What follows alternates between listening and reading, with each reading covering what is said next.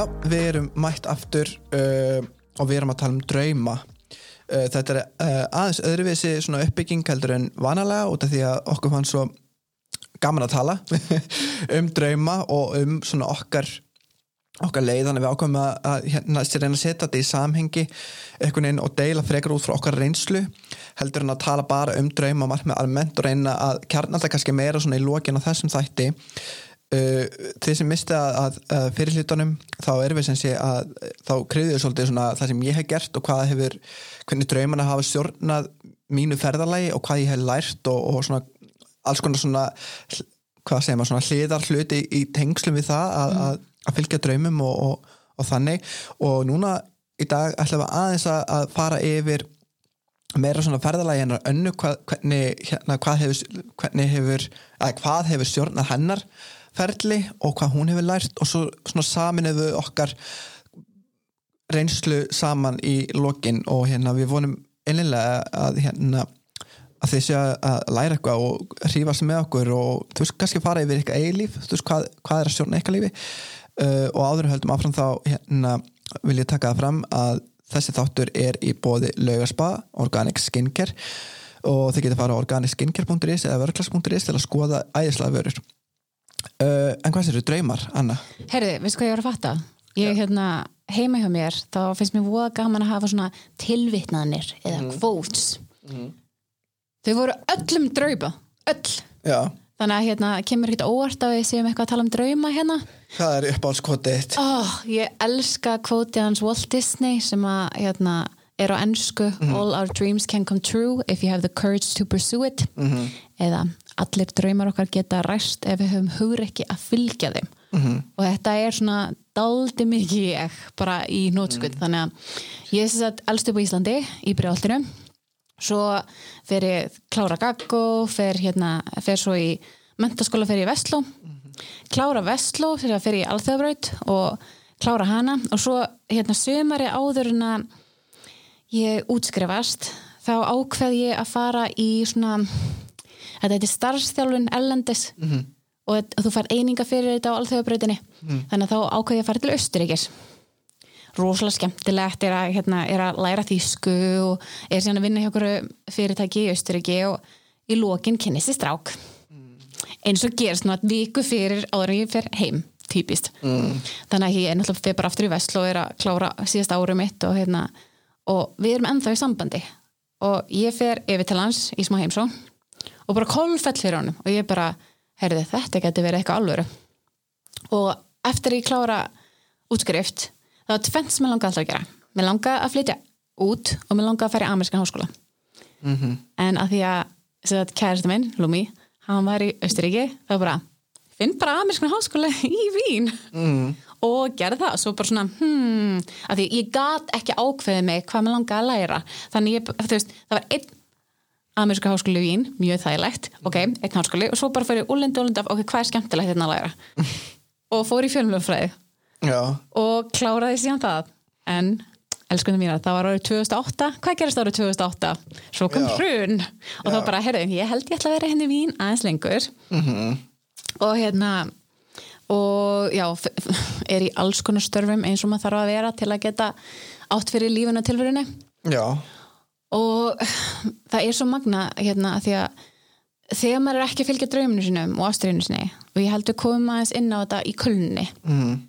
þá verður maður svo leiður já, um mitt þá verður maður svo dapur og ég held það er ekki að næra nei, sálina. þú ert ekki að næra sálina og ég, þú veist, ég á það til að þetta í mjög í þunglindi, þunglindi hefur verið partur af mittlega lengi og eh, ég fekk verstu þunglitskast mín hann úti að því ég var ekki næra þann part af mér, ég var bara í endalusum störun sem ég var svo alveg samum mm. þú veist, kærasti mér var alltaf vinnandi. Þú veist, vini mín voru allir að flytja út af því að þú veist, um leið og búin skólan alltaf bara flytja um eitthvað mm. þannig ég var bara rúslega mikið einn í einhverju starfi sem ég þóldi ekki og svo allavega ég fekk að dansa, ég var að kenna dans líka skilur, þannig ég var allavega að gera það en svo einhvern veginn gæti maður heldur ekki komið heima því að maður alltaf bara hrun heima og einhvern veginn ekki, engi möguleikar og eitthvað mm -hmm. þannig að veist það var rosa mikið vonleysi mm -hmm.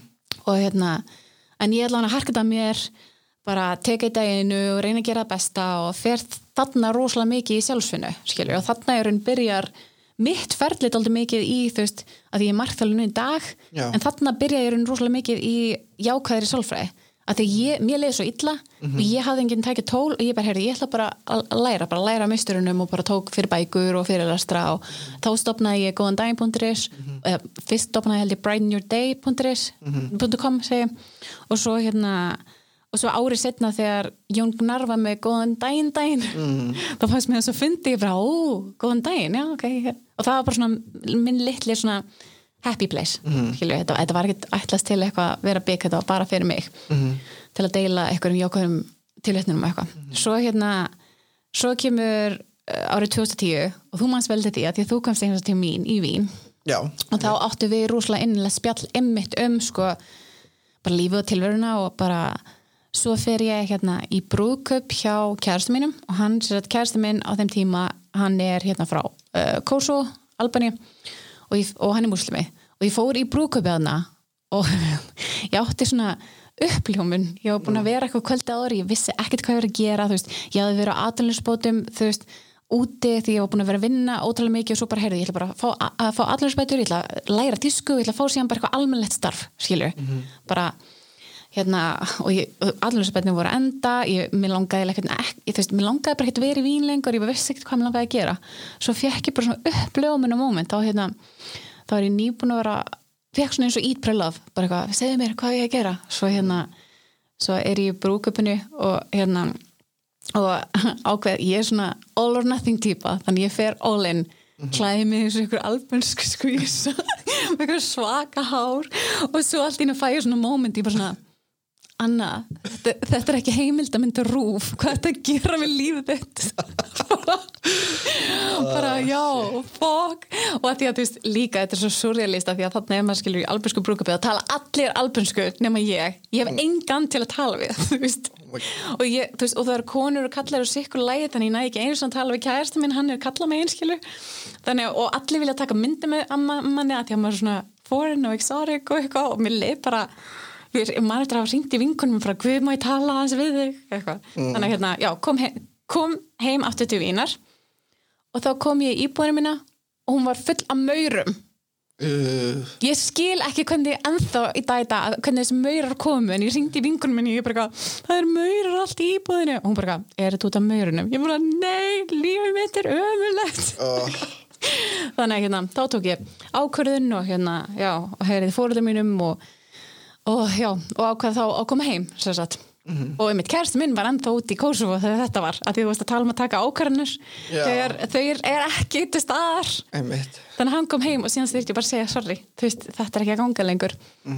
En þú veist, hann var alveg ótrúlega, þú veist, fullorðanur skilinsíkur og sagði bara, þú veist, þetta er náttúrulega þín ákvörðun að taka skilur en þannig að hérna, já. Og það endaði, ég fór heim flutti heim til Íslands 2010 og það var ógeðslega erfitt að finna vinnu. Ég bara, ég fann vinnu hjá hérna, mamma var akkurat þá að taka við hérna, Hilton, sem sagt það sem Hilton spaði núna í dag, eh, Nordica spa. Og bauði mér sér að vinnu í afgjörslinni og svo var ég bara að kenna zumba.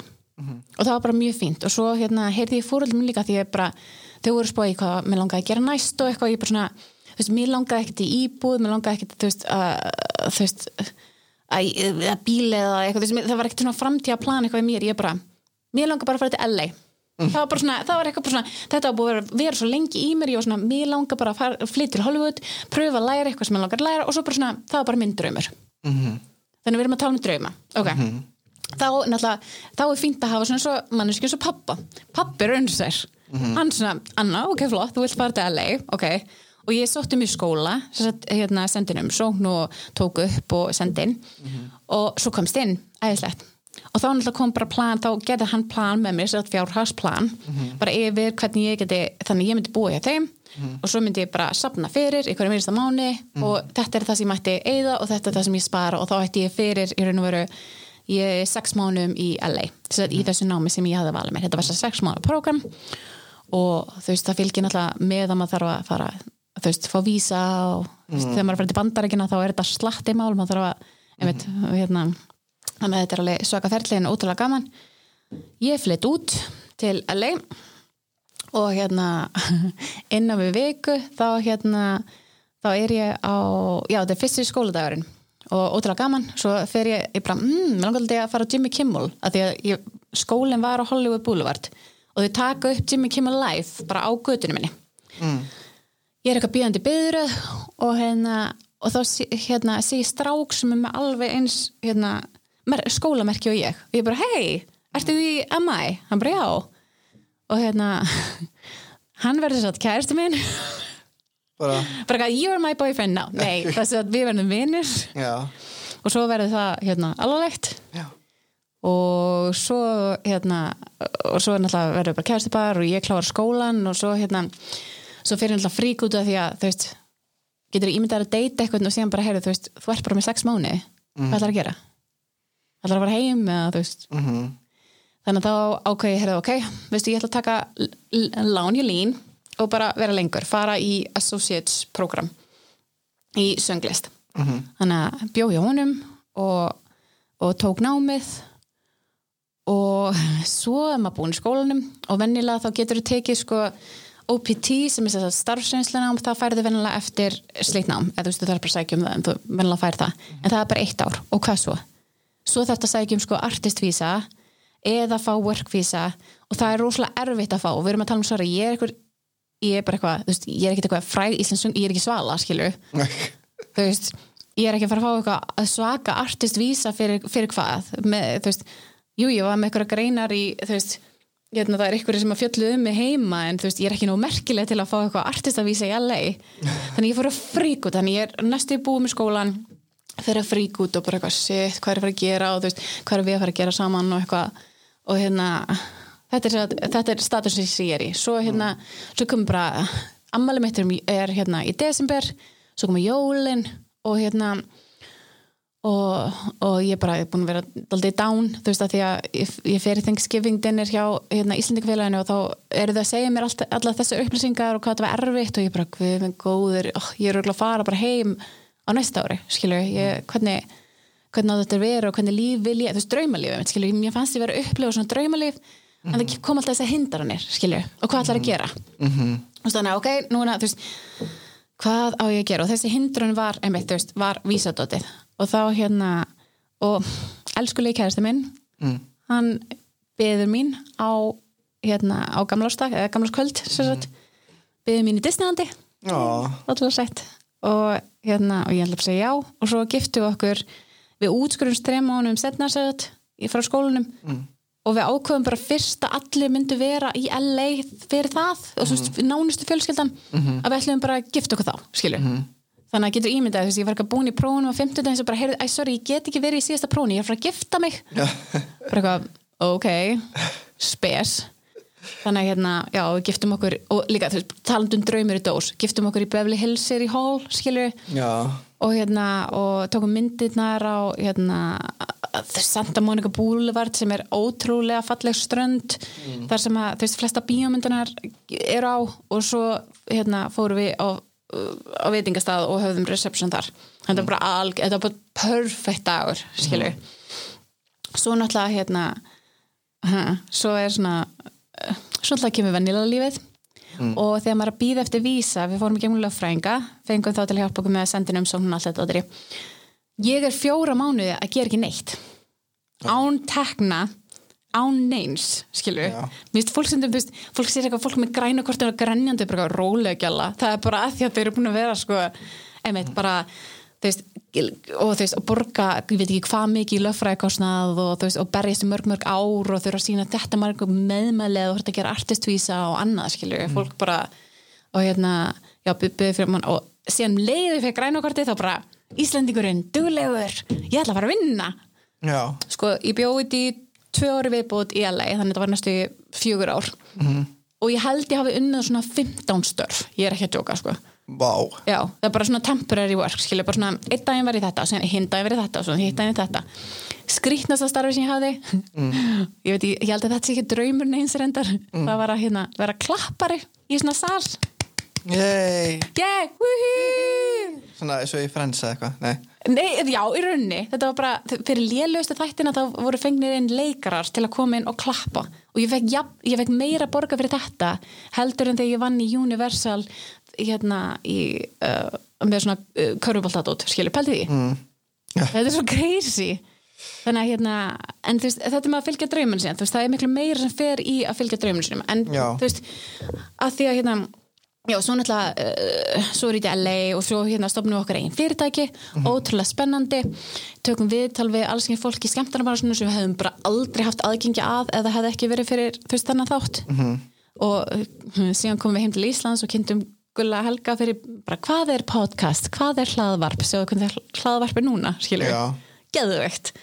Þannig hérna já, og svo þannig við erum með úti, við erum með já, hlaðvarpið, erum með uh, okkar eigin hljómsveit og svo er við, er ég bara á fullu mitt bara að vinna eitthvað pening skilju, vann í ykkur nammibúð, vann í ykkur hérna catering og vann í þess, svona veitingasölu, þjónustu og, og bara allt til að ná endum saman En hvernig fannst þér þú vera að lifa, þú veist, fannst þér þú vera á þeim tímapunkti að lifa drauminn, þú veist, upphálega LA draumi sem þú hafðir áður þú fluttir ángað? Mér fannst það meira, veistu, þetta fyndið að því að sko, ég var svo, þetta var bara algjör draumur í þetta og sérstaklega það var eitt moment þegar hérna, við vorum að taka viðtal við hérna, Melissa Joan Hart sem leiksa Brínaði Teenage Witch í hérna og mér fannst það svo gaman því að þarna verið svona að hugsa um litlu önnu, skilju og bara litla hana, bara hei, þú ert í Hollywood þú ert bara að taka viðtal við þessa stelpu sem þú ert alltaf að horfa í sjónvarpinu, skilju þannig að hérna, og það var moment þar sem veginn leiði bara, vá, heyrði, ég er að gera það sem ég er svo skemmtilegt. Og fá borga fyrir það og, og bara býja með vinum mínum og þú veist, eins og líka við Friends og þú veist, þannig að þetta var algjör draumur. En síðan á hinbógin um, já, maður er ekki ríkur skilur, og þá er maður daldið mikið að ströggla og þá er þetta daldið erfitt Og þá þarfstu náttúrulega að taka, þú veist, uh, the side effect er að, því er, um, að með það þurfa að vinna bara alls konar stöð. Og, bara, og líka bara þetta er svo uh, draining, þú veist, Já. og það vorum að tala um kulnun síðast Já, það reynir rosalega mikið á andlega og svo náttúrulega er maður í sambandi og, veist, og maður er með svona þrjá, fjóra herbyggisfélaga sem að, veist, þetta er svona LA life þá bara, þú veist, ég er með mannum mínum með herbyggi þú veist, litla herbyggi, svo erum við bara með þrjá, fjóra herbyggisfélaga, skilju og, og hérna, og, veist, þetta, þetta er bara svo allt, allt annað líf einhvern veginn. Og þetta var alveg, þetta var alveg draumalíf þar til að vara ekki. Og maður svona já, langa mig í þetta líf því að síðan skilur, síðan flytja allir í burtu bara eins og gerist, þú veist, bara nákvæmlega sama gerist í vín skilur, síðan flytja allir í burtu og þá ert þú eftir einn og ert að gera það sem þér finnst skemmtilegt. Hérna, ert að fá nú mikið borga fyrir það, þú veist, er þetta líf er þetta lífi sem ég langaði? mm Er þetta lífið sem þið langar? Nákvæmlega, það, það, þetta er samt þannig þetta er svona, þú veist, þú ert bara að spyrja sjálfa og ég var bara orðin rúslega þreytt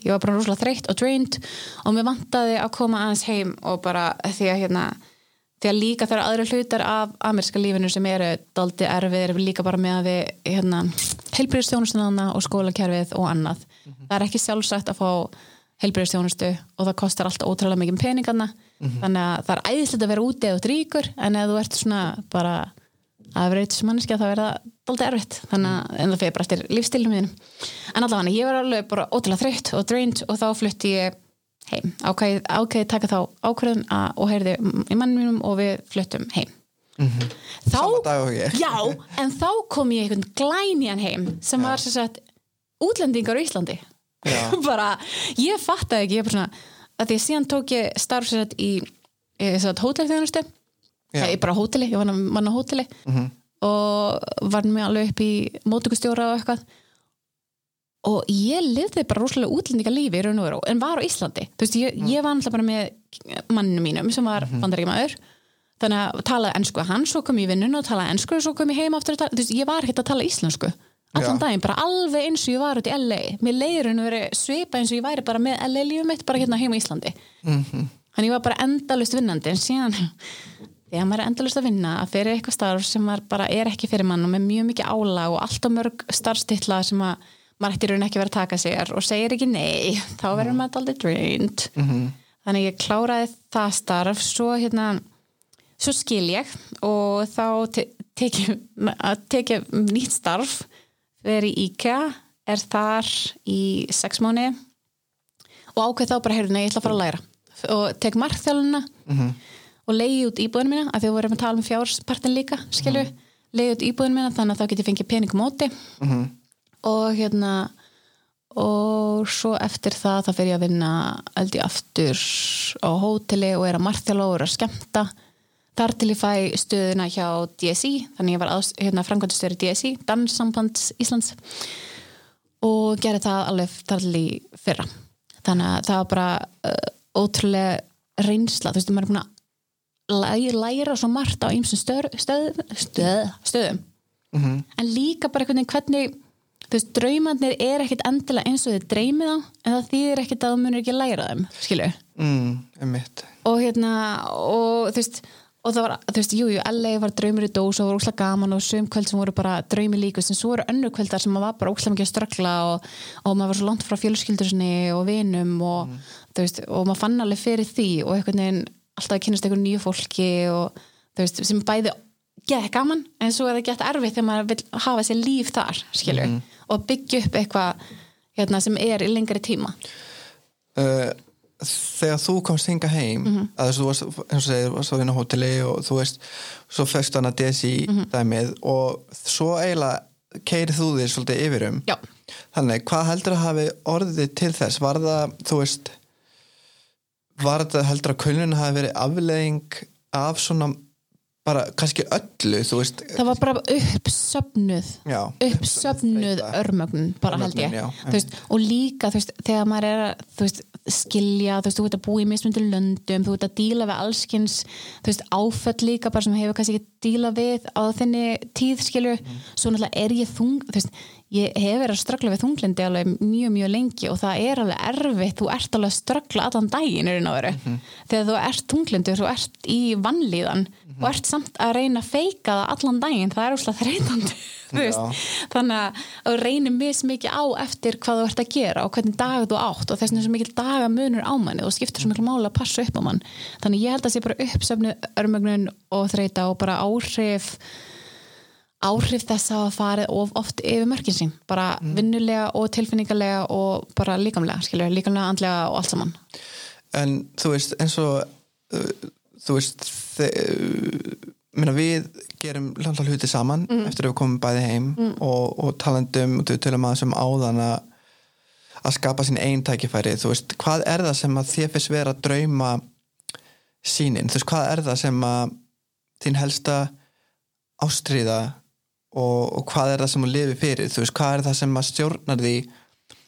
Þú varst með drauminn um LA ertu búin að öðrast eitthvað nýjan draum eftir að þú lendur í kulnunni til dæmis? Þú veist, e- Ég var, vá, eftir kulnunni var einmitt bara að fá orkurinn tilbaka þú veist, það er, að það, vá, ég verði ekki töluðum ekki um þetta uh, þegar þú ert að jafnað á kulnun þá ertu bara heppin ef þú færð einhverja prósendur, skilu, pældi ég að vera að fara og geða ykkur ofvirku yfir allt í einu að það bara tekur þig kraft að fara út úr rúmunu á mótnana og að því að við erum að tala um skilu að draumurinn minn kannski úr kulnun núna var bara að, að fá hérna, að fá aftur gömlu orkur mína, eða ekki eins og gömlu orkur mína, bara búa til nýra orku, bara hlaða líkam minn það mikið með þú veist, vítaminbæti efnum passa upp á líkamlega heilsuna, þú veist, ég gerðist enga þjálfari og þú veist, ég er búin að vera rosalega mikið dansi og eitthvað veist, bara að finna ástriðinu mína og þú veist, passa upp á orkunum mína það vel að ég hafi það miklu orku, það var bara nýju draumurinn. Mhm. og eins og ég segi, og núna er bara nýja draumurinn minni að vera hafmyggjusum og búa mig til drauma lífið og ég fattaði það líka sko eftir eftir DSI starfið þá fattaði ég bara og ég fór til Kýpur aðeins hérna heimsóti pappa þegar hann var þar. Og, og hann var "Heyrðu, þú veist, þú veist þú getur verið en allt sumar eða þú vilt. Og ég bara, nei. Mm, því að ég get líka starta alveg eitthvað nýtt, ég get bara, og ég einmitt á sínum tíma er bara, hei, kannski ég fyrir bara aftur til LA og fyrir að læra eitthvað nýtt og byrja eitthvað nýtt vil ég byrja, nei, ég vil búa mig til drauma líf og núna lífum við vel á Íslandi loksins og þá vil ég bara búa mig til drauma líf hérna. Og ég er að reyna að skapa það bara með að vera með góðu fólki skilu, búin að vera með indislagan kærasta hérna, þú veist, og er, við erum að skapa okkar, skilu, við erum með dans og kúltúr sem er með dans, dansviðbyrju og dansferðalög og náttúrulega áttum að vera að fara til Dubai þegar mm. COVID skell á. Skilu, við vorum nýbúið með Roaring. Twenties party hver viss að það veri síðasti viðbyrður nákvæmlega. Og mitt ætlum að fara til Dubai og það var allt planað og, og hérna uppselt í þá ferð og, og hérna og það átti að vera svona svo uppgjör fyrir mér líka að einhverju leiti því að ég ætlaði, þú veist, bara svona fara aftur út ég hafði ekkert komið síðan í bjóða sjálfur.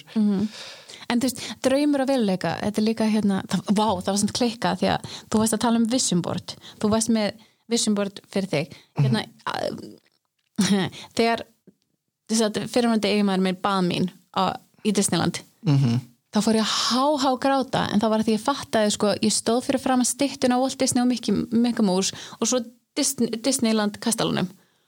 Og ég fattaði að þetta var desktopið hjá mér ári áður en ég flutti. Þetta var bara, Já. ég var með svona wallpaper á tölunum minni sem var með þessu kvot, þannig að allir draumur okkar geta ræst. Með með, já, með þessar styttu og kastalum Já, ég bara, og ég fekk bara shit, ok, er þetta þetta secret sem allir er að tala um bara, ertu ekki að grínast? Bara, mitt það var bara wow, það, þetta var svo mikið það var svo mikið klikkun fyrir mig, því að hann vissi ekki af þessu, sko, þetta var eitthvað sem ég hafði áður en ég flutti til LA, skil, þannig er engin sjans að hann hafi séð þetta, sko. Þetta er, þú veist það er mitt ótrúlega sko, því ég hugsaði tilbaka mér líka um svona, ég er ennþá með svona vision board, ég gerst þetta alveg sem 2013 uh, vision board, eða hvað er það sem að segja svona sín um, til þess að hjálpa mér að viðhalda draumum, til þess að hafa sín og til þess að hafa eitthvað svona kvót eða eitthvað svona tilvinnanir og mynd, myndrætt efni fyrir framan augun sem að minni mig á að, það, að ég má dreyma. Mér er samt líka alltaf áhugað því að sko áður en að ég kynntist uh, mínu fyrirvændi hana sem ég síðan ég giftist þá vikáður, ég var ógæslega immana eitthvað, ég var þannig ein bara nýfluttilega leið, þú veist, mamma pappi voru farin ég var ein í skólanum og ég var alltaf bara eitthvað fann að frík út í og svona, vá hver ein og maður langar alltaf að, þú veist, deila þessu með ykkurum þú veist, maður langar ekki að upplöða þetta alltaf einhvern veginn ekki að hafa eitthvað með mér. -hmm. og ég var bara farin að ímynda mig bara, þú veist, ég ímynda mér endar hérna einn- bara frægan einstakling bara til að hafa eitthvað, eitthvað minnskilu já, sorry. Captain America er flottastur, ok? Já, hann er bara, hann is my man, ok? Þú veist, það vita þetta allir, það er eitthvað nón, þannig ég bara ímyndaði með þannig skilju, og hann væri bara haldið inn hendum, ég bara fann það, ég bara literally bara fann það. Og þetta var rétt ég kynntist þann, skilju, en að því að þau sé alltaf sko, þú þurfur að sjá það, en svo þurfur líka að finna það, skilju, og hvernig getur maður þetta er einmitt mjög áhugaverð punktur út af því ég tala um þetta eins og í fyrirlesturinnum mm -hmm. fyrirlesturinn mínum þín einleið þar sem þetta hlaðvarpela kemur út frá. En þú veist, það, þú veist einmitt, þannig að í rauninni þú varst að lýsa þessu mjög vel. Þú sást fyrir þér á, á þetta var mjög skýr sín þú veist, þetta sé ekki tengt sko í rauninni svona draumum varandi feril eða verkefni það En þetta var draumi varandi mann. Já. Þetta var bara einhver, mér langaði bara hamingju og ég tengdi það um mann. Já, en þú fannst þú sást ákveðin mann fyrir þér þannig að það var skýr mynd. Og þú fannst, þú fannst líka fyrir snertingunni skilur og það er ímynda það það er mjög skýr sín en svo gerist það og finnur alvöru hérna kærasta sem var reyndar held ég ekki Chris Evans nei, en þau báði fættust í Boston Þannig að, Ah, þetta var ok. bara en ónef þetta er einmitt það sem þú sagðir maður þarf samt að það er ekki nóg bara að segja fyrir sem maður þarf að trúa trúa því og þetta er svo ógeðslega mikilvægt. Um, ég tala um í fyrirlesturum eitthvað sem ég kalla bara types sem eh, þú stendur fyrir sér sér T fyrir trúa, I fyrir æfa P fyrir plana og S er einmitt sjá fyrir sér. Um, og þetta er eitthvað svona aðferð sem ég veist, nefndi bara þetta bara fyrir sjálf mig og því ég fór að hugsa tilbaka þú veist, eitthvað svona hvernig ég ger hlutina og því að fólk hefur mig bara, en, þú veist, þú hefur gert rosa mikið, hvernig gerur það? Þú veist, og ég sagði áðan þú veist, það hefur ekkert komið upp í henduna þú veist, þetta er ekkert eins, eins og ég sé bara eitthvað labbað um og svo bara puff, eitthvað, þú veist vinna eða eitthvað svona. Um, og hérna og ég tala svona um ákveði atvik. Það var þegar ég var í dansi en þá, þú veist, ég var bara úlingur og ég fór að rifja þetta upp bara því ég var að búa til fyrirlestur en ég fór að hugsa um svona varandi markmiðasetningu og hvernig ég, hvernig ég fór bara að spyrja sjálf hvernig hef ég náð markmiðin, hvað er það sem ég geri? Og, og hérna og í fyrsta lagi það er það náttúrulega það að þú ert, þú, þú ert að gera eitthvað uh, það sem ást að sinna ástriðinni mm. mínu til fyllið þannig að vara dansin þú veist, og, og hérna og það var að koma Íslandmestaramót og ég bara einhvern veginn svona var, var í eineldi á þessum tíma mm. var laður eineldi og átti svona erfitt fyrir þannig en dansin var alltaf svona mitt escape route mm -hmm. Thank you og hérna og ég vissi, vissi að ég var góður þú veist, ég, þú veist út af því ég, ég hugsaði líka bara þú veist, akkur eftir að elska eitthvað það mikið en ekki vera góður í því Mhm. eða þú veist uh, en ég trúði líka að ég þurfti að hafa fyrir því Mhm. ég gæti haft ástriði fyrir því en það þýði samt ekki sér sjálfkrafa góður í því Nei, þú veist, uh, þannig að ég þurfti að æfa Mhm. og plana og ég hugsaði bara ég ætla að vinna þetta Íslandsmeistaramót Mhm. bara, ég ætla að vinna það og bara fá mitt svona mitt validation í gegnum það Mhm. skilur og þeim leiði ekki vel þú veist annars í lífinu skilur Mhm. en í dansinu leiði mig vel, ég vissi að það var góður ég vissi ég gæti unnið Mhm.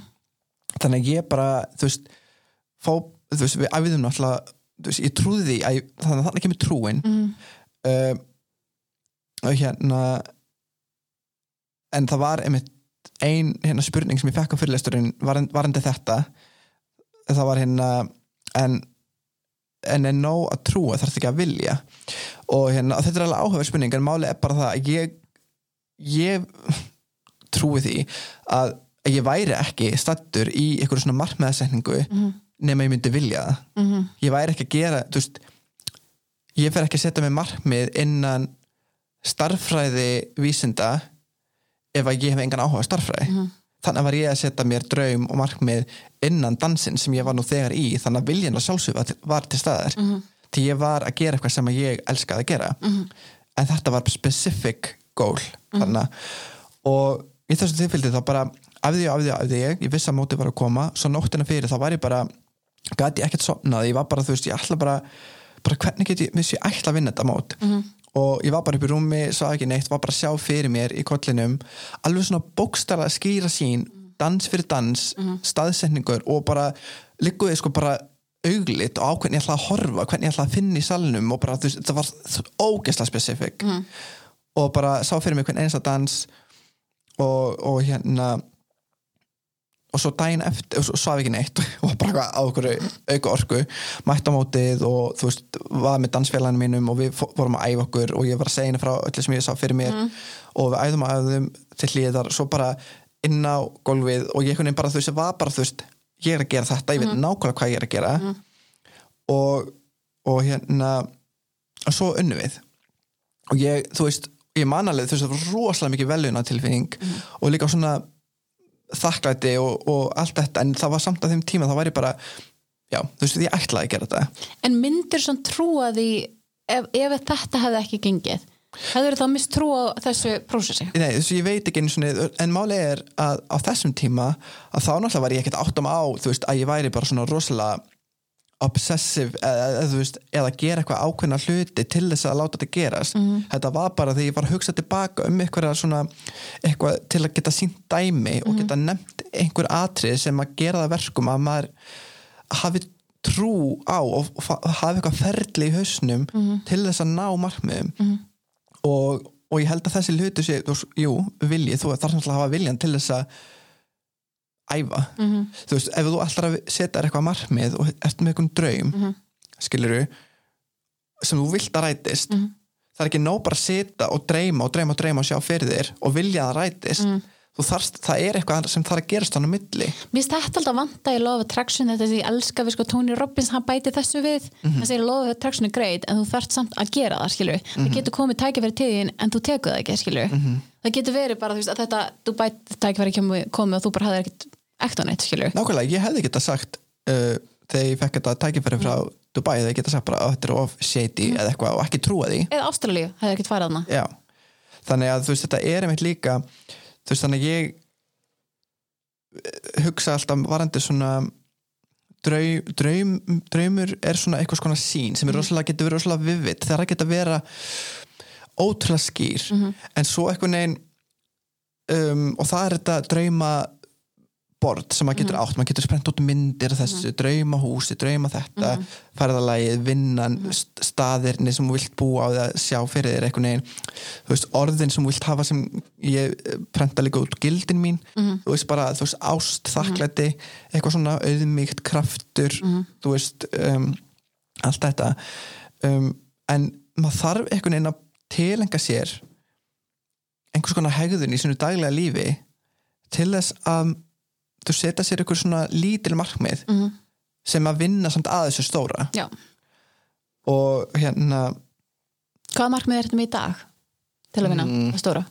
Þú erum alltaf með þessa tætti, það er eitthvað stóra það er það er svona ein, þú veist ég er raunin með þú veist uh, þetta verkefni þín einleið sem er bara sem er bara þetta, það, það sem ég langar að tala um þetta og heyri öðrum og, og hérna og tengjast fólki. Mér finnst það svona, það er svona stórt markmið með þessu þín einleið og hlaðvarp er einleið til þess. Uh, að vera með fyrirlastar er einleið til þess. Ég byrja aðeins á því en svo bara tók þetta við aðalega bara á COVID líka. Um, og hérna En er hægt að bóka þig í fjár? Það er hægt að bóka mig í fjár út af því að fyrirlastarnir eru tilbúin og þeir eru alltaf breytilegir líka. Flott. og já, þannig ef þið er að hlusta og þið viljið hérna að spyrja mig betur út í það eða, eða, eða bóka mig í eitthvað þá, þá er það alveg í bóði og hérna og ég er að vinna alveg að því áfram og, ætla, og vil halda því áfram. Uh, en ég er náttúrulega líka að reyna að passa orkuna mína. Þannig ég er að reyna að passa veist, að þessi þættir sé núna bara aðalmálið. Uh, en svona næsti draum svona, já, næsti draumar eru rosalega óskýri núna aðalega út af COVID. Já. út af því að það er svo margt sem að ég veit alveg hvað ég elska að gera. Ég elska að þetta þú veist, og ég er rosalega fegin að ég get þá allavega gert þetta núna.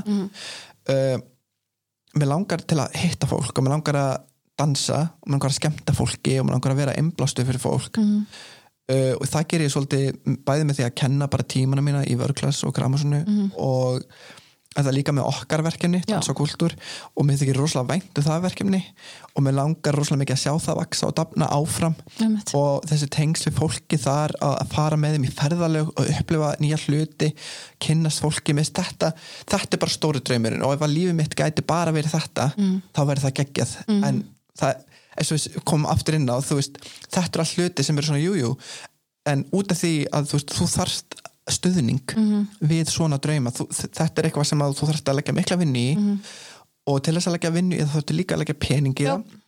þá þarftu að hafa annað En líka hobby versus heit, ástríða og þú veist draumur, þú veist eins og þarna. Já. þú veist þarna ertu með, við erum með dansakultúr sem er okkar í raun ástríða Mhm. og er okkar draumur þú veist, er munur þar á milli eða er þetta, þú veist þetta er nefnilega málið, stundum held ég sko og ég er oft flakka á milli bara, er þetta kannski eitthvað bara sem að mér finnst gaman að gera Mhm. ég þarf ekkert að gera það alveg þú veist eitthvað full on Mhm. uh, en það er stundum eins og ég þekki ekki munin bara, þú veist eins og til dæmis að skrifa Mhm. ég elska að skrifa þú veist, en ég veit ekki endilega hvort ég sé ógeðslega góður í því En þú ert ekki út ljóðabók núna? já, en ég er að fara að gefa út uh, ljóða hljóð upplifunarbók með Storytel sem kemur út 27. november Svennu þannig að endilega ég mun örgulega tala um, um það eitthvað á næstu vikum En til dæmis það er eitthvað sem að, þú veist er draumi fyrir þér að gefa út bók Mhm. svo varst þú búin að sapna saman ljóðum sem þú hefur gert í kjörnum tíðina, eða ekki? Mhm. og þú ákveður, þú veist, hvað færið til að pitcha storytella, hvað færið til að allt einu gefa út bókina?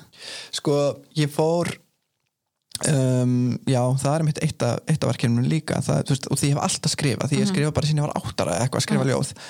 Og hérna og bara áður mér sig í kassa og hef bara alltaf skrifað rosa mikið. Og hérna og svo byrjaði ég með ljóðablogg uh, í Dubai. Og var þá með rosalega svona skrítin ljóð og eða svona bara þurfti bara að tjá mig mm. og þá fór boltin að rúla meira, ég fór meira að skrifa og, um, og svo setti ég þess að áskorun á mig að skrifa eitthvað á hverjum einsta degi í hálft ár, það endis í hálft ár, það er svona alveg langu tími. Já. og það sem ég var ekkert að rít sko, það var bara svona hvað er að gera svo þessum á mér hvað er einblásturinn, hvað er nennar að koma og hann kom annarkost á íslensku eða ennsku og ég bara skrifaði. Og þessi ljóðabók það sem ég sem að setja saman kom núna í COVID í rauninni. Það, út af því að þá var ég svo mikið heima í vor þá las ég upp uh, ljóð á hverju minnsta degi frá bara back in the day og bara alls konar ljóð. Uh, svo fór ég að setja saman uh, bara þennan afrakstur þessara áskorunar pikka út þessum daginn alltaf var hræðila skilur um en að þú veist, ef maður að skrifa okkur um einasta degi þannig að kemur eitthvað sem er mjög slæmt inn á milli.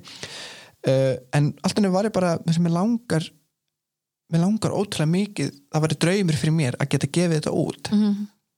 Þannig að þetta var bara í vor. Og strax í sumar fór ég að hafa samband við uh, bókókar um, og það kom einhver nei, ekki sem sé nei beint við handritinu heldur bara að þau væri ekki að taka við handritum akkurat núna. Um, en svo fór ég bara að hugsa um aðra leiðir bara, já, ok, þannig var ég að lesa á Facebook síðinu minni bara eitthvað ljóð og ég hugsaði bara, það er náttúrulega til audiobók, þú veist, akkur gerir þetta ekki bara þannig? Og náttúrulega Storytel orðið huge. Og hérna og pitchaði, þau voru svolítið svona hard to get Mhm. og hérna Hvað gerður þið til að selja konceptið í? Veist hvað heldur að hafa selt þetta? sko, það sem ég held að hafi selt þetta var náttúrulega bara ég er rosalega pussy Mhm. ég er bara, því ég veit að ég þarf að hafa fyrir hlutunum, enn og aftur kem ég inn á það að ég, þú veist, ef ég vil láta eitthvað gerast, Mhm. þá veit ég að ég þarf bara að reyna það mikið á mig, ég er ekki að frá fánin að greiða Mhm. það er bara þannig, ég er búin að reyka mig svo oft á það að vonast til þess einhvern Mhm. veginn að bara ég er að gera þetta ótrúlega vel það hlýtur einhverja, þú veist, Takk eftir mér taka eftir í Mhm. honey no, þú veist, það er ekki að fara að gerast þú bara verður að vera pain in the ass, Mhm.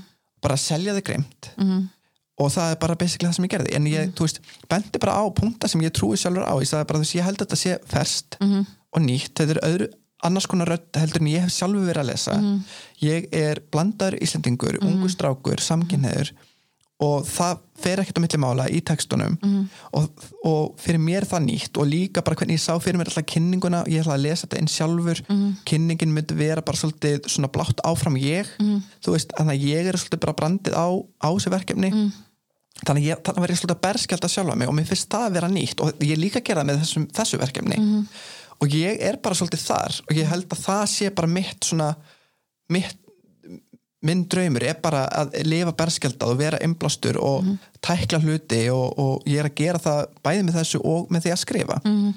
og þau þarna samfæri sem bara já við höfum trú á þú veist við, við ætlum að taka áhættin á því í rauninni að taka inn, þú veist ég hef aldrei gefið bókaður um, þannig að ég, þetta er bara svo spennandi fyrir mér og, og þú veist ég veit ekki hvernig þetta fer en veist ég allavega er þá að fara að gera þetta með þeim En ertu að ná að njóta allra litla seguna því að síðan er veist það er eitt að dreyma og síðan er bara hvert skref í átt að draumnum á maður ekki að fagna þeim eins og Vilborg var að tala Já, um li- að Vilborg. fagna litla segurunum Vilborg var að tala um það að í rauninni hafa kannski stórt markmið Mhm. og svo brjóta markmiði niður inn í li, lítil markmið Mhm. hún gerði það mitt, hún talaði frá, um það í síðasta þætti hún brauta niður sem sé í svo að lappa pólinn brauta eftir svona hérna gráðum Mhm. sem hún lappaði yfir og komst þér og fagnaði hverjum einasta litla sigri þegar hún sagði þú veist, ef þú fagnar öllum litlu sigrunum að þá, þá fagnar líka í lokin Ó, mér finnst líka svo geggja því að ég var að lesa hérna, ég elska Mel Robbins Já. hún er einn, af mínum uppáhalds svona coaches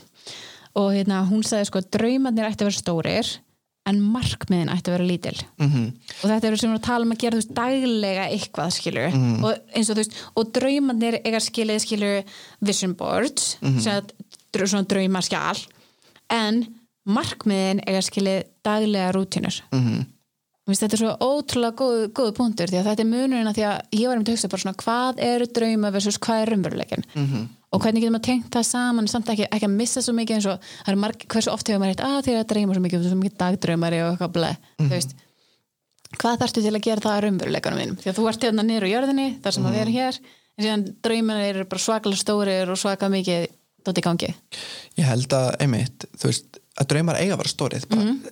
as big as they can be í rauninni. En þú þarf samt að fatta að þú veist, einmitt, sko það er munur að dagdreima Mhm. þú veist, ef þú ert bara daydreamer alltaf, þá verður það náttúrulega neikvægt á endan því þú ert í rauninni ekki að gera neitt, þú ert bara að dreyma. Já, en ef þú kant og áttar það á því að inn í þessum stóra, stóra draumi sem þú hefur, Mhm. þar eru hellinga litlum, pínulitlum draumum eða Mhm. pínulitlum markmiðum. Og þessi markmið eru alveg svona uh, þau eru ínáanlegt mm getur, þau þurfa að vera raunsæ. Uh, það er raunveruleikin markmiðin er raunveruleikin og draumin er sínin Ú, vá, það er svo satt.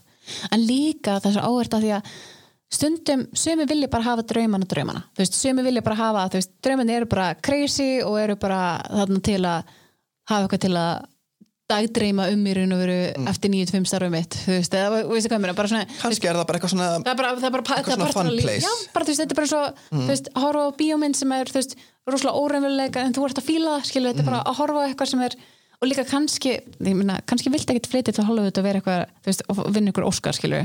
En því vorum bara gaman að dagdreima um það Já, að, þú veist, þar ég held að það sé bara mjög heilbreygt þannig sé að, að geta sér fyrir sér og drauma en, en þú veist en náttúrulega flestir draumar eða þú veist sem maður hefur held ég að sé eitthvað svona þetta er eitthvað sem þú vilt, þú veist hvað viltu fá í lífinu Mhm. þú veist við erum hérna bara núna as far as we know en þú veist þetta er alltaf þetta, Þa, það er ástæðan fyrir að við dreymum og við, þú veist við viljum að sé eitthvað tilgang með því að við séum hérna Mhm. og, og hérna og jújú, jú, fínt að bara sjá fyrir sér bara í ykkur til, sem sé ekki með ykkur um tilgang heldur, bara svona til að skemmta sér. Mhm. en, en við dreymum líka til þess að það eru vísbyttingar skilur hvað, ertu, að- hvað ertu að sjá fyrir þér aftur og aftur? Hvað, er, hvað sín ertu með? Mhm. aftur og aftur, ertu með sína þér standa á sviði fyrir fram hellika fólki? Uh, og veiti það er eitthvað ákveður röss og þú veist, hvað er það sem að veiti röss? Er það það, það sem þú ert að gera á sviðinu? Mhm. eða er það áhrifin í augum þe- þeirra sem er að horfa á þig? Mhm. Hvað er það sem að drífi þig Þú er þetta alvöru, er þetta alvöru fire Mhm. skilur, er þetta alvöru bál inn í þér og þá áttu skilið að fylgja þig eftir og þá þá þarf maður átt að segja ok, þetta er eitthvað sín sem ég hef Mhm. þetta er eitthvað vision en ég hvað get ég gert, skilur Hver, hverju þarf ég að breyta Mhm. til dæmis hvað er, þú veist, þú getur ekki alltaf til þess að eitthvað svona sín sem þú hefur rætist Mhm. ef að þú breytir engu þú veist, ef að Er þetta að segja mér að ég sem hangi hérna heima hjá mér, veist, á COVID-tímabilinu, er þetta að segja mér að ég get ekki orðið leikona í Hollywood og unni Oscars? Já. Bara með að sitja heima hjá mér og gera ekki neitt. Nei, þú veist, það er þú veist common sense en það er What? svo fyndi að það eru sem, sem eru kannski bara fatta kannski ekki, já, en svo kvarta kannski, já, mér langar svo að gera þetta mér langar svo að gera þetta, maður Mhm. svona, já hvað gerður í því?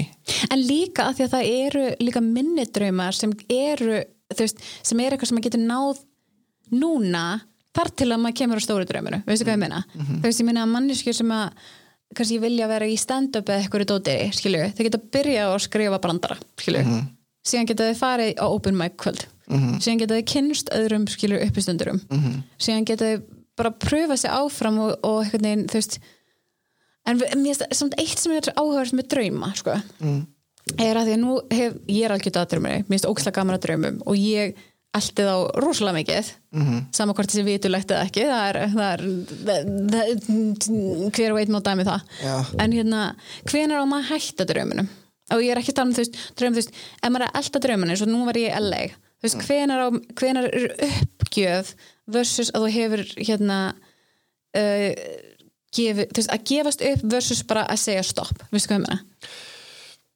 Það, það er bara raunin mörkin það er raunin bara spurningin um að þú veist eru komið mörkin aftur í enn öðrum þættinum okkar? Þetta er þátturinn mörk. Ég held að okkar þáttur sér þátturinn mörk. Mörkin okkar. Sem eru engin. Apparently. Hérna uh, en þess vegna dreymir dreymi fyrir svo mikið. Nei, en þú veist, þetta er góð pæling og maður mér þarf að náttúrulega vega að meta skiluru uh, á hvað tímapunkti ertu farin að, að einmitt, fara við mörg eða skada and, þína andlega helsu við að ná einhverjum draumi eða eru, þú veist, ef þú ert orðin fyrir það miklum skada andlega að því að reyna að ná einhverjum draumi þá þarf þetta að spyrja það, skilur, er þetta meant to be? Þú veist er, er þetta skilaboð? Þú veist, er ég er ég að mistúlka sínina skilur, er ég að þú veist, er, er, þetta draumur eitthvað annars, veist, er þetta raunverulega draumurinn minn?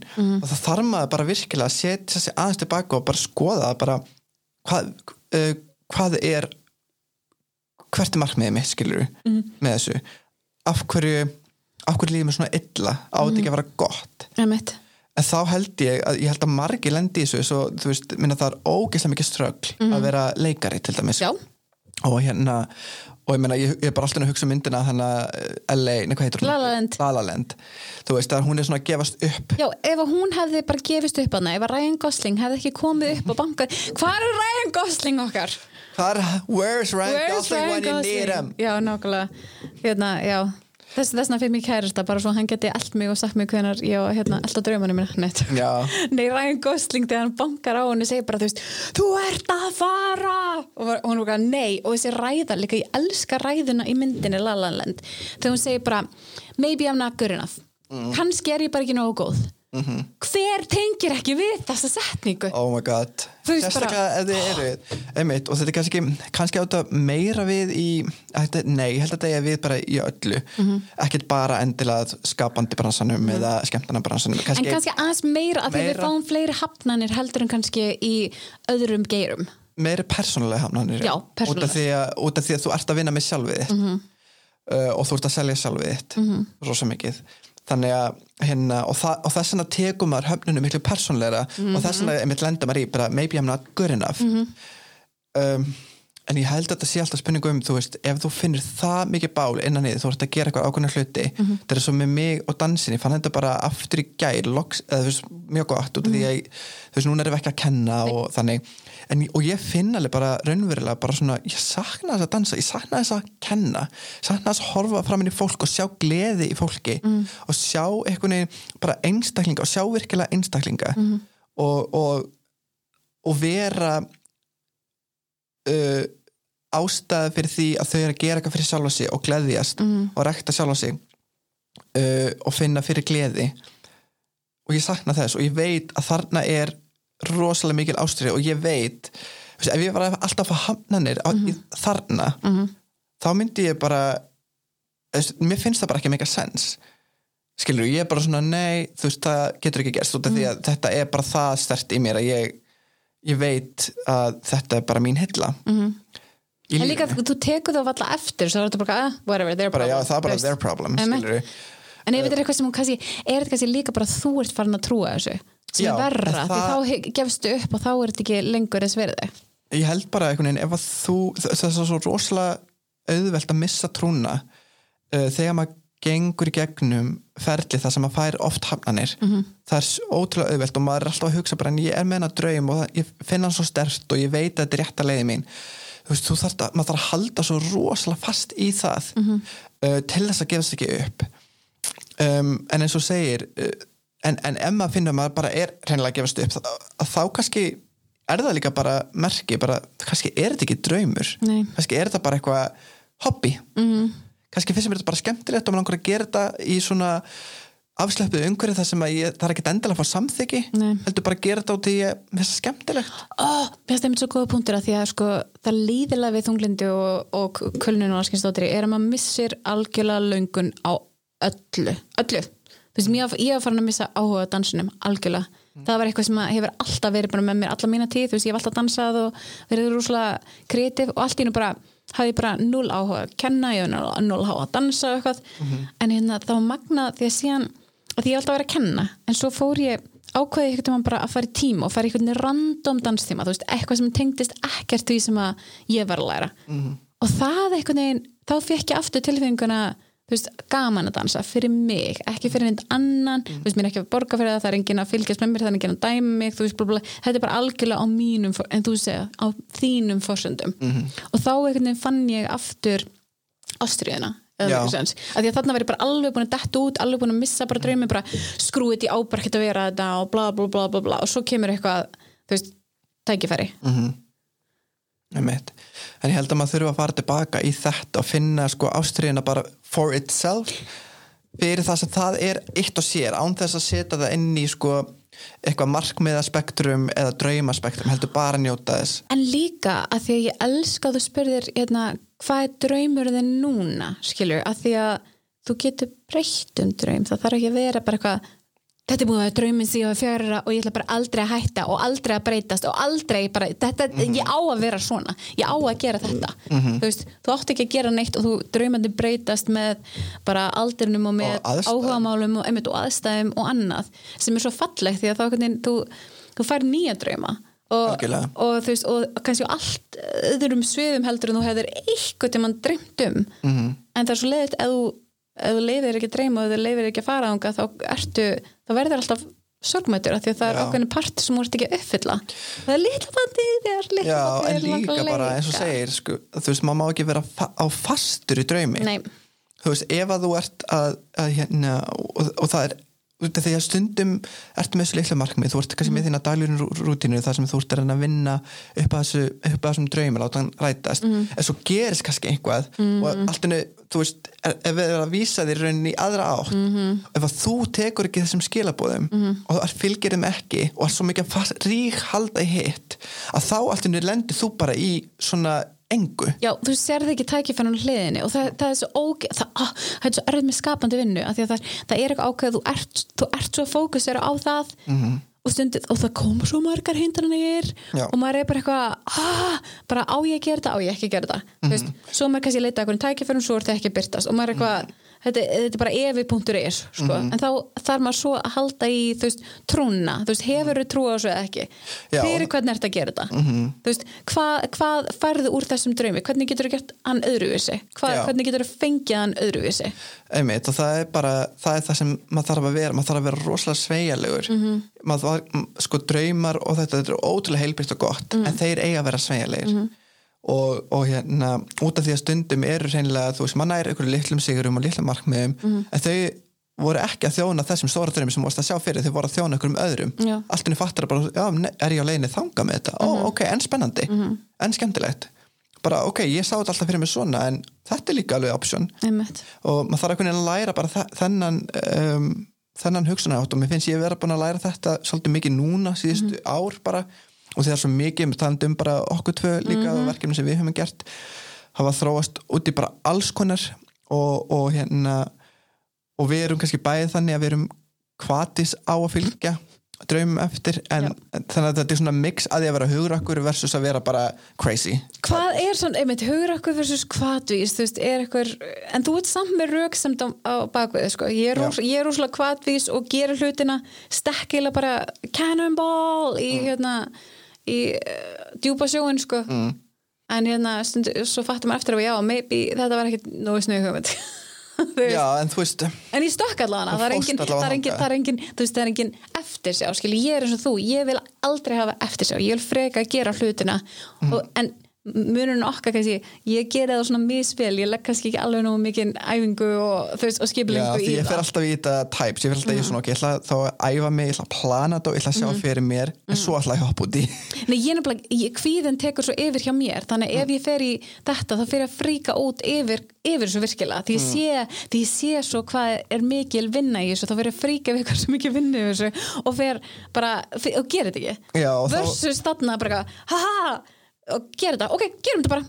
Bara dann, og þú veist, þá er ég allavega búin að tjekka í bóks en ekkert eitthvað vel. Ég held samt að sé mitt kannski, þú veist, það er svona blanda, begja bland sem kannski er gott að hafa, það er einhvern veginn að hafa þess að kvatvísi og hafa kjarkin bara til þess að henda þess að stað og ekki kannski vera að spáa mikið í afleðingunum en það koma bara hvort þið er þannig að Já. veist, þá bara díla við það þegar það koma. Þú veist, en svo er líka aftur á móti líka gott að þú veist, að eina, þú veist, til þess að tryggja það að þú, að þú sjáir ekki eftir þú veist, að þú vitir að þú sért að að, að hafa hugur ekki til að gera þetta, að reyna að gera það eins vel og getur, þá líka veistu ok, það gengur ekki upp, ok, þá, þú veist, ég ætla að prófa að gera þetta eins vel og ég gat.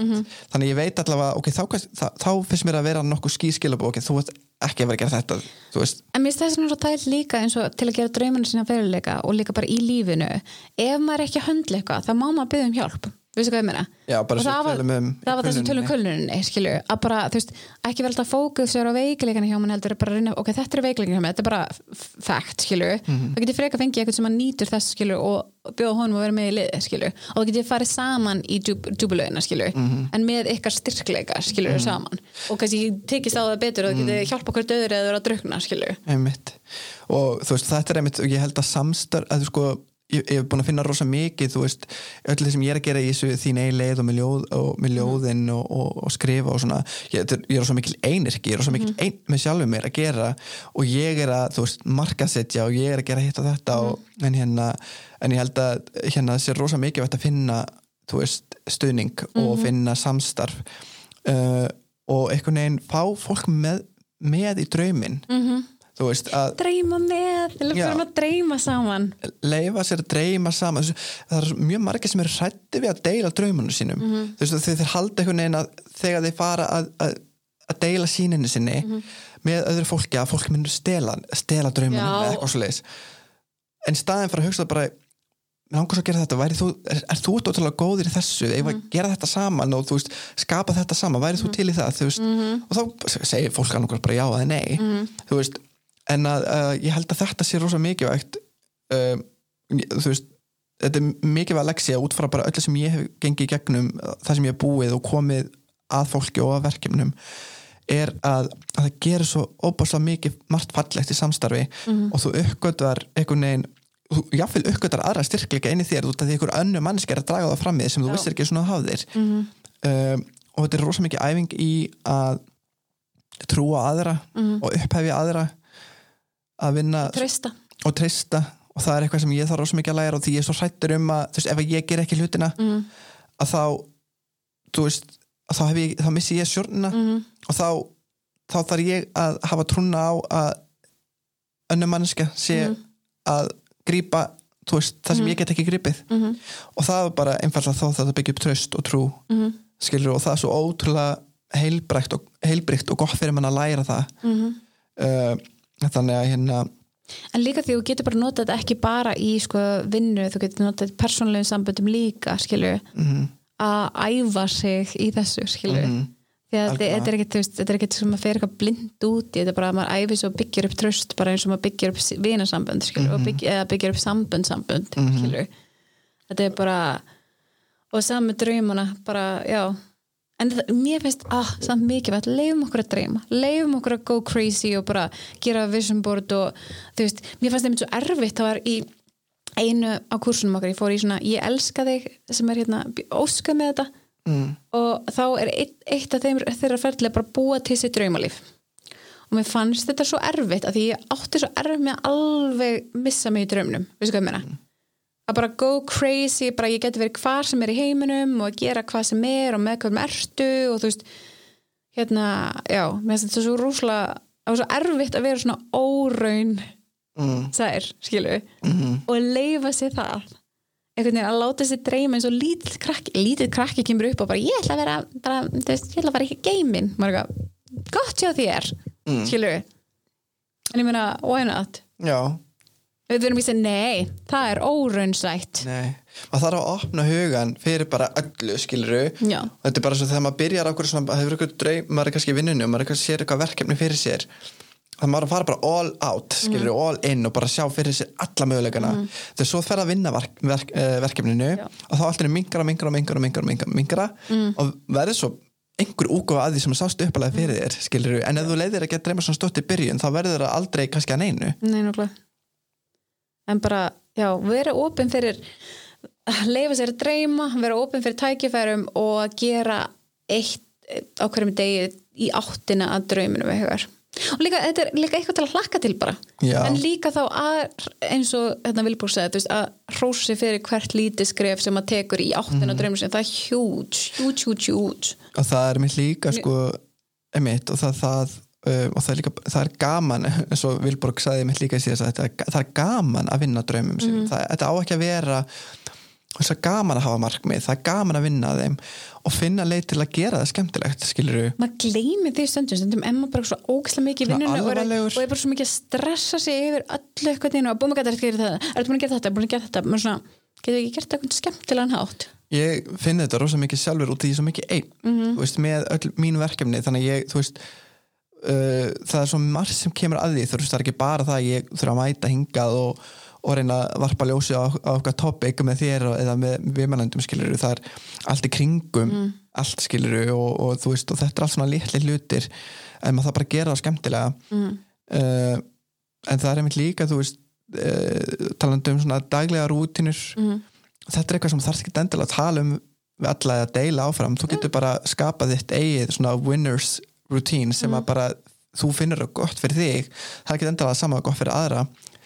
Um, en líka við þurfum ekki að fara ellendis eða gera eitthvað til, þú veist, grasi er ekki alltaf grætna hinum einn, við getum líka bara búið okkur til drauma lífið hérna já, og hugsa hvaða element af þessu þú veist, segjum svo, mér langar bara til LA að vera eitthvað spjall þjótt drottning, skilju, vera eins og Ellen eða eitthvað, eða við skömmuna, segjum það bara. Mm, veist, þarf ég að fara til LA og, hérna, og kynast til fólkinu og fara þanga og ge- gera mig fræga að fara í uppstandhúlmuna í tíu ára eða þú veist hvað, til, til að vera nóg fræg til að vera næst Ellen eða eitthvað skilju og kynast x-mörglu fólki, networking og allir. Nei, eða geti verið hérna heima búið bara til minn þátt á YouTube eða eitthvað skilju, YouTube er fyrir alla. Mm. Mel Robbins hún bara svona, þú veist, eða langar að filma eitthvað, just film something, skilju Já. farðu á TikTok og bara gera eitthvað stúpid vídeo, skilju, ég meina, þú veist við höfum svo miklu meira val í dag yfir þetta, Já. þú getur bara verið kreatív og far, farð að leika þér aftur hvernig Já. það? Bara Mhm. farð að leika á TikTok eða YouTube eða hvaða þú veist, hvaða social media eða, eða hafðu live á Instagram eða Facebook og síndu hvað þetta gera það var svo gaman Mhm. og leifa öðrum að dreyma með þér og sjá hvað þetta gerir skemmtilegt utan vinnar mm einmitt og líka bara einmitt þú veist, hvað, þarftu endilega að farið gegnum allar þessar síður Nei. skilur þú getur bara, þú veist það sem mér finnst uh, make a sense er bara svona hvað hvað er rétt að skrefið núna mm Mhm. skilur hvað getur gert núna þú veist, það er alltaf hvað sem getur gert núna Já, ekki vera að spá ómikið í síninni og drauminu sem er svo langt frá Mhm. heldur bara, ok, mér langar að gera þetta ok, ég ætla að gera eitthvað núna hvað er ég með? Ég, ég er hérna með síma, ég er hérna með ljós vingurum mér Þetta. þetta að minna mig á þau daginn, hún bara svona, Anna, þú ert þegar að gera alla hlutina sem þið langar að gera þú Mhm. ert bara að taka eftir því, að þetta eru svona litli hluti sem maður er að gera um dagstæla Mhm. og þetta verður bara að eitthvað svona lífinniðinu og þú pælir hún ekkert í en hún bara, þú, þú, þú ert you're already doing it, þú þú ert þegar að lifa lífinu þú ert þegar að lifa lífinu ég vona bara að taka eftir, því, skilur Mhm. Já. og njóti þess að fagna þetta er með málið, við erum of sem að maður heldur ekki vera of sko obsessed að því að elda draumana og vera eitthvað svona eins og, og, drau, og svo lífið sé alltaf verið að býða eftir þér Mhm. og fatt ekki bara, en þú ert nú þegar lifandi, þú ert lifandi núna. Líka bara hvað í kringu þig er algjör draumur í dós, nei þú veist í alvörunni við höfum stundum ekkert pælt í því. Maður heldur bara að allt sé svo sjálfsagt og við höfum alltaf vera að horfa fram á við og markmiðin og draumarnir og þetta, en þú veist þú veist, í dag bara, ó, bákvæði ég bara, ó, ég, það bara draumur að vera með fulla hilsu, bákvæði þakklátt skilur, þú veist, draumur að vera með indisann kærasta. Mm. draumur að hafa fjölskyldun sinna og allir á lífi skilur, Mhm. og doing their thing og heilbyrðir og andlega og líkamlega heilbyrðir skilur, Mhm. heppin ég drauma lífa maður eigi, þú veist, indislega vini sem að stiða við mann skilur Mhm. og drauma lífa, einmitt, maður hafi alls kynst, bara, þú veist, að hugsa um bara, hva, hva, hvað er í drauma lífinu þínu þegar núna, skilur, sem þú ætti ekki að taka eftir þannig að, einmitt, to conclude eitthvað, bara þú veist að, að hérna, það er mikilvægt að dreyma gott að dreyma, dreymið stórt og Mhm. allt þetta, en ekki gleyma litlu draumunum sem eru nú þegar í kringum ykkur Mhm. um, og því að það eru hægt líka litlum draumum út um allt í okkar daglega lífi Yay. þannig ekki gleyma því, ekki festa svo mikið í, í markmaðasendingunni og draumunum heldur líka bara vera í núinu að sjálfsög uh, en ég held að við setjum núna sláum botnin í þetta tveggja uh, þátta, hérna, tveggja klukkutíma þátta, þátta serju um drauma og markmið og ferlið okkar. Uh, endilega sendi okkur hvað ykkur fannst uh, og hérna og líka bara deilið, deilið draumanum okkar með okkur. Uh, sendi endilega, við viljum heila, heyra bara á Instagram á hérna, Friðrik Agni Instagram og Anna Klassen á Instagram sendi okkur drauman ekkar, við ætlum að posta þú veist þessu á Instastory og svona Mm. og viljum endilega postið draumanum ykkar á story og taggið, taggið okkur endilega, við viljum sjá. líka allt góðan daginn punktur sem langar að heyra draumana. Já, og allt góðan daginn.is og þið getur líka alltaf senda okkur á dans og kultur þessu séum út um allt. Við erum það, góðan daginn dans og kultur fyrir gagnu og annað klassin þetta var þáttaserían Draumar og markmið. að og takk fyrir að hlusta